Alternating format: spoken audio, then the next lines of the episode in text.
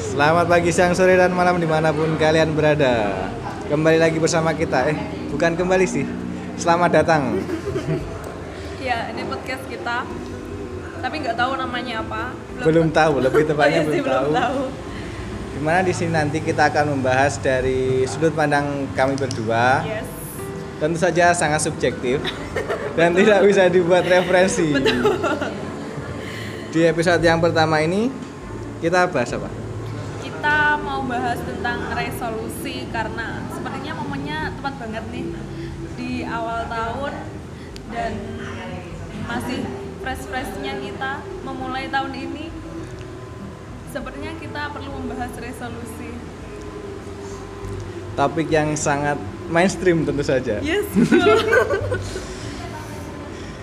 Resolusi yes. Semua orang tentu ya belum pasti sih punya Belum resolusi apa yes. tidak. Nanti di sini kita akan bahas menurut sudut pandang kita. Oh, kita akan bahas tentang resolusi. Jadi gimana nih? Pertama kita mau bahas apa tentang resolusi? Kita bahas sudut pandang dulu aja. Oke. Apa sih resolusi menurut kita masing-masing? Kamu dulu ya.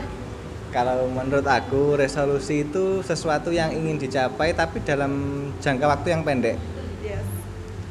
Menurut menurutku nanti jangka waktu yang pendek itu resolusi satu, resolusi dua dan resolusi tiga dan seterusnya jika digabung akan menjadi cita-cita. Oke. Kalau menurut saya, Oke. di mana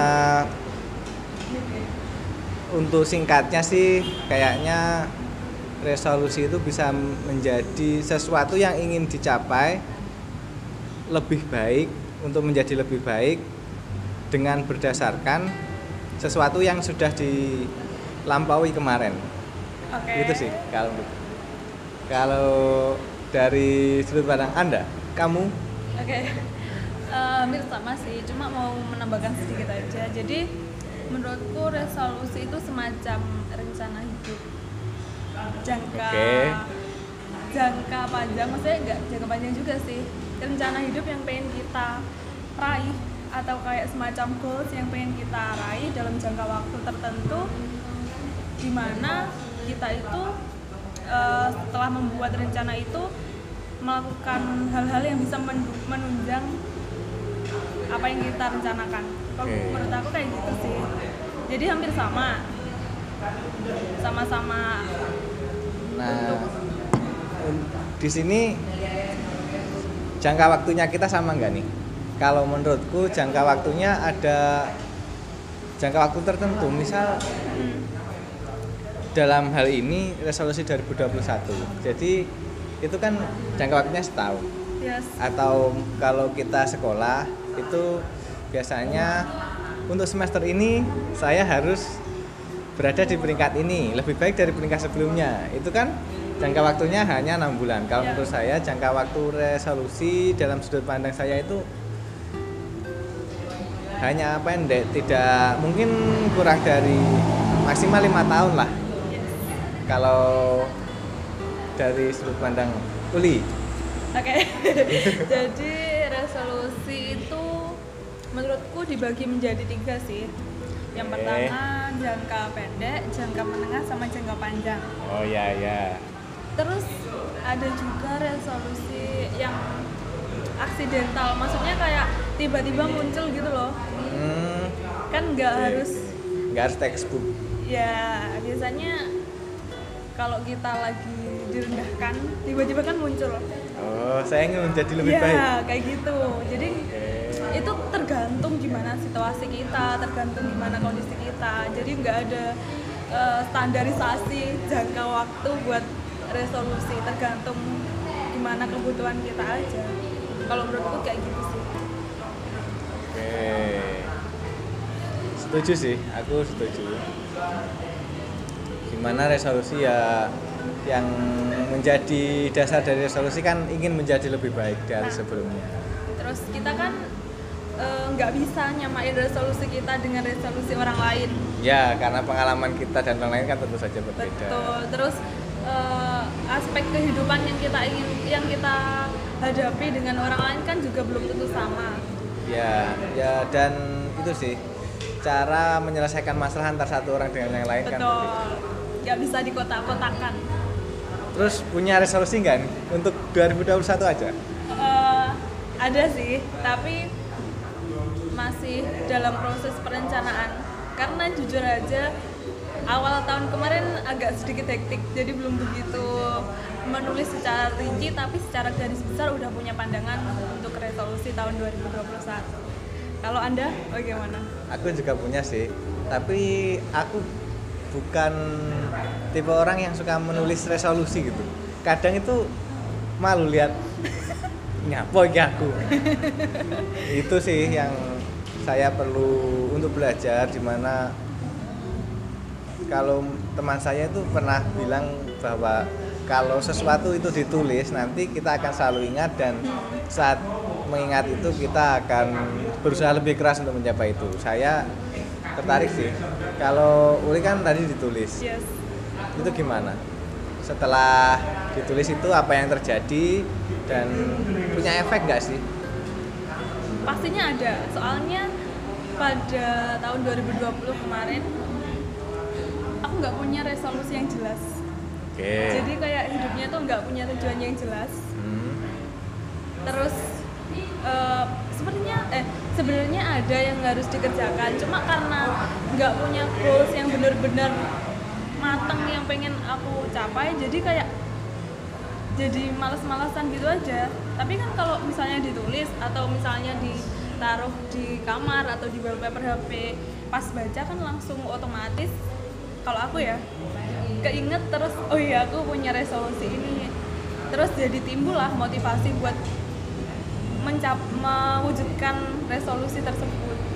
Gimana sih caranya biar resolusi itu tercapai? Soalnya kalau nggak punya target itu kayak hidup ya gitu-gitu aja ya nggak sih? Bener sih. Kayak nggak punya tujuan gitu loh. Hmm, ya ya ya. Tapi gini gimana? aku itu sebelumnya kayaknya belum pernah punya resolusi yang pasti juga. Karena saya punya tujuan tentu saja punya tujuan. Iya. tapi tujuan itu muncul dari atas sakit hati yang aku alami. Kayak yang aku bahas tadi kan. Ya kadang itu misal lah. Misal kita di aku di pelajaran olahraga. Yes. Ada lomba lari nih iya. Tapi aku nggak bisa nomor satu. Eh, lalu karena saya merasa kok aku nggak bisa sih apa yang salah dengan diriku? Yes. Dan dengan begitu dengan sakit hati itu menciptakan tujuan.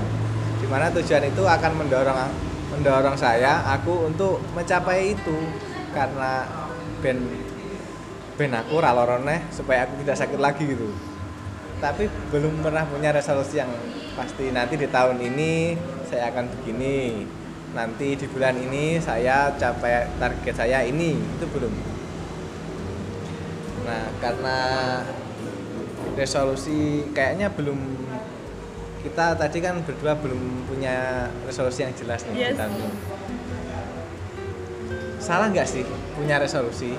Atau nggak punya resolusi itu sesuatu yang aneh nggak sih balik lagi sih ke tiap-tiap individu. individu. Soalnya result kita punya ataupun nggak punya itu kan pilihan kita. Ya kita ingin hidup kita lebih terencana ataupun tertata ataupun kita ingin ya wes let it go let it flow jalanin aja atau gimana itu kembali lagi ke kita. Jadi oke. pada dasarnya eh, nggak ada aturan khusus yang mewajibkan kita harus punya resolusi. Tapi kalau eh, secara apa ya secara tak kasat mata. Sebaiknya kita tuh harus punya resolusi. Soalnya kalau nggak gitu hidup kita bagaikan apa sih bagaikan angin yang misalnya arahnya ke barat kita ke barat. Kayak nggak jelas gitu loh. Mengikuti mengikuti arus. Ya mengikuti arus bener-bener orang pakai ini kita pakai gitu. nah kan jadi kayak nggak punya pilihan nggak punya prinsip. Dan kadang kita jadi ikut orang lain dan ini meskipun itu bukan kita tapi karena lingkungan kita banyak yang betul. begitu jadi ikut. kita nggak bisa menjadi diri kita Oke. sendiri. Gitu. Kalau kamu? aku sendiri sih bisa dikatakan nggak apa-apa sih nggak punya resolusi. Tapi ya alangkah lebih baik itu punya. Karena tentu saja dengan kalau menurutku adanya resolusi itu bisa membuat kita lebih cepat mencapai sesuatu yang menjadi tujuan kita. Karena dengan adanya resolusi itu kita jadi lebih fokus mana sih yang harus kita kerjakan duluan. Hmm, dan kalau kita mulai keluar jalur itu kita diingatkan kembali oh resolusi saya ini. Saya harus bisa mencapai ini lebih dulu daripada keinginan saya yang lain. Nah dari apa yang kamu katakan tadi, kita kan bisa kayak tahu benang merahnya kita tuh secara nggak sadar di alam bawah sadar kita tuh otomatis punya sistem yang membentuk skala prioritas tentang hal-hal apa ya tentang hal-hal yang harus kita lakukan dan hal-hal yang nggak kita lakukan. Ya nggak sih? setuju. Sangat setuju. Betul nggak? Gitu. Kalau menurut Uli ini yes. gimana sih cara buat resolusi? Karena kan aku sebelumnya kan kayak ya yang penting lebih baik lah dari yang kemarin. Mes- meskipun itu banyak gagalnya juga sih. Kan tadi kan bilangnya belum nulis untuk tahun ini. Yes. untuk yang sebelumnya kan pernah. Yes. Nah itu gimana cara buat resolusinya? Ya nggak harus nulis sih untuk resolusi secara umum aja. Eh, yang pasti aku udah nggak mau muluk-muluk lagi. Oke. bukan di usia yang muluk-muluk lagi jadi buat resolusi itu yang realistis aja Oke. sesuai keadaan dan eh, pastinya resolusinya harus achievable harus sesuai dengan kondisi kita lah pokoknya. Soalnya memang benar kalau sebaiknya kita itu harus bermimpi setinggi langit. Cuma ya harus lihat kondisi juga kan harus disesuaikan juga dengan uh, kondisi kita apa yang kita bisa lakukan apa yang kita sukai. Jadi tergantung sama kondisi pada saat ini dan kondisi di masa depan seperti apa yang ingin kita capai sih kalau menurut aku kayak gitu nggak jauh-jauh dari itu soalnya kalau terlalu muluk-muluk malah takutnya sulit buat mewujudinya Oh, bagus sih. Cuman kalau aku selain itu tadi di Yes. luar itu ya, aku merasa untuk yang pertama sama sih. Untuk yang keduanya itu resolusi yang saya yang aku bangun di tahun 2021 2021 yes. Itu memperbaiki sih. Selain yang pertama tadi kan ingin mencapai sesuatu yang ya belum pernah kita capai. Ya yang belum tercapai di yang sebelum. sebelum sebelumnya untuk yang kedua ini apa sih yang kita masih melenceng? Apa sih yang kita belum maksimal? Itu sih yes ya selebihnya sama sih. Selebihnya sama. Lebih ke orang bisa mikir. Ya Allah gitu. Ya. Untuk kayaknya cukup segini dulu.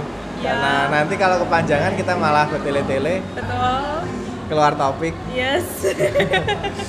Untuk pembukaan podcast kita, kita sudahi dulu sampai di sini. Saya Fajrul. Sampai jumpa lagi di episode selanjutnya. bye bye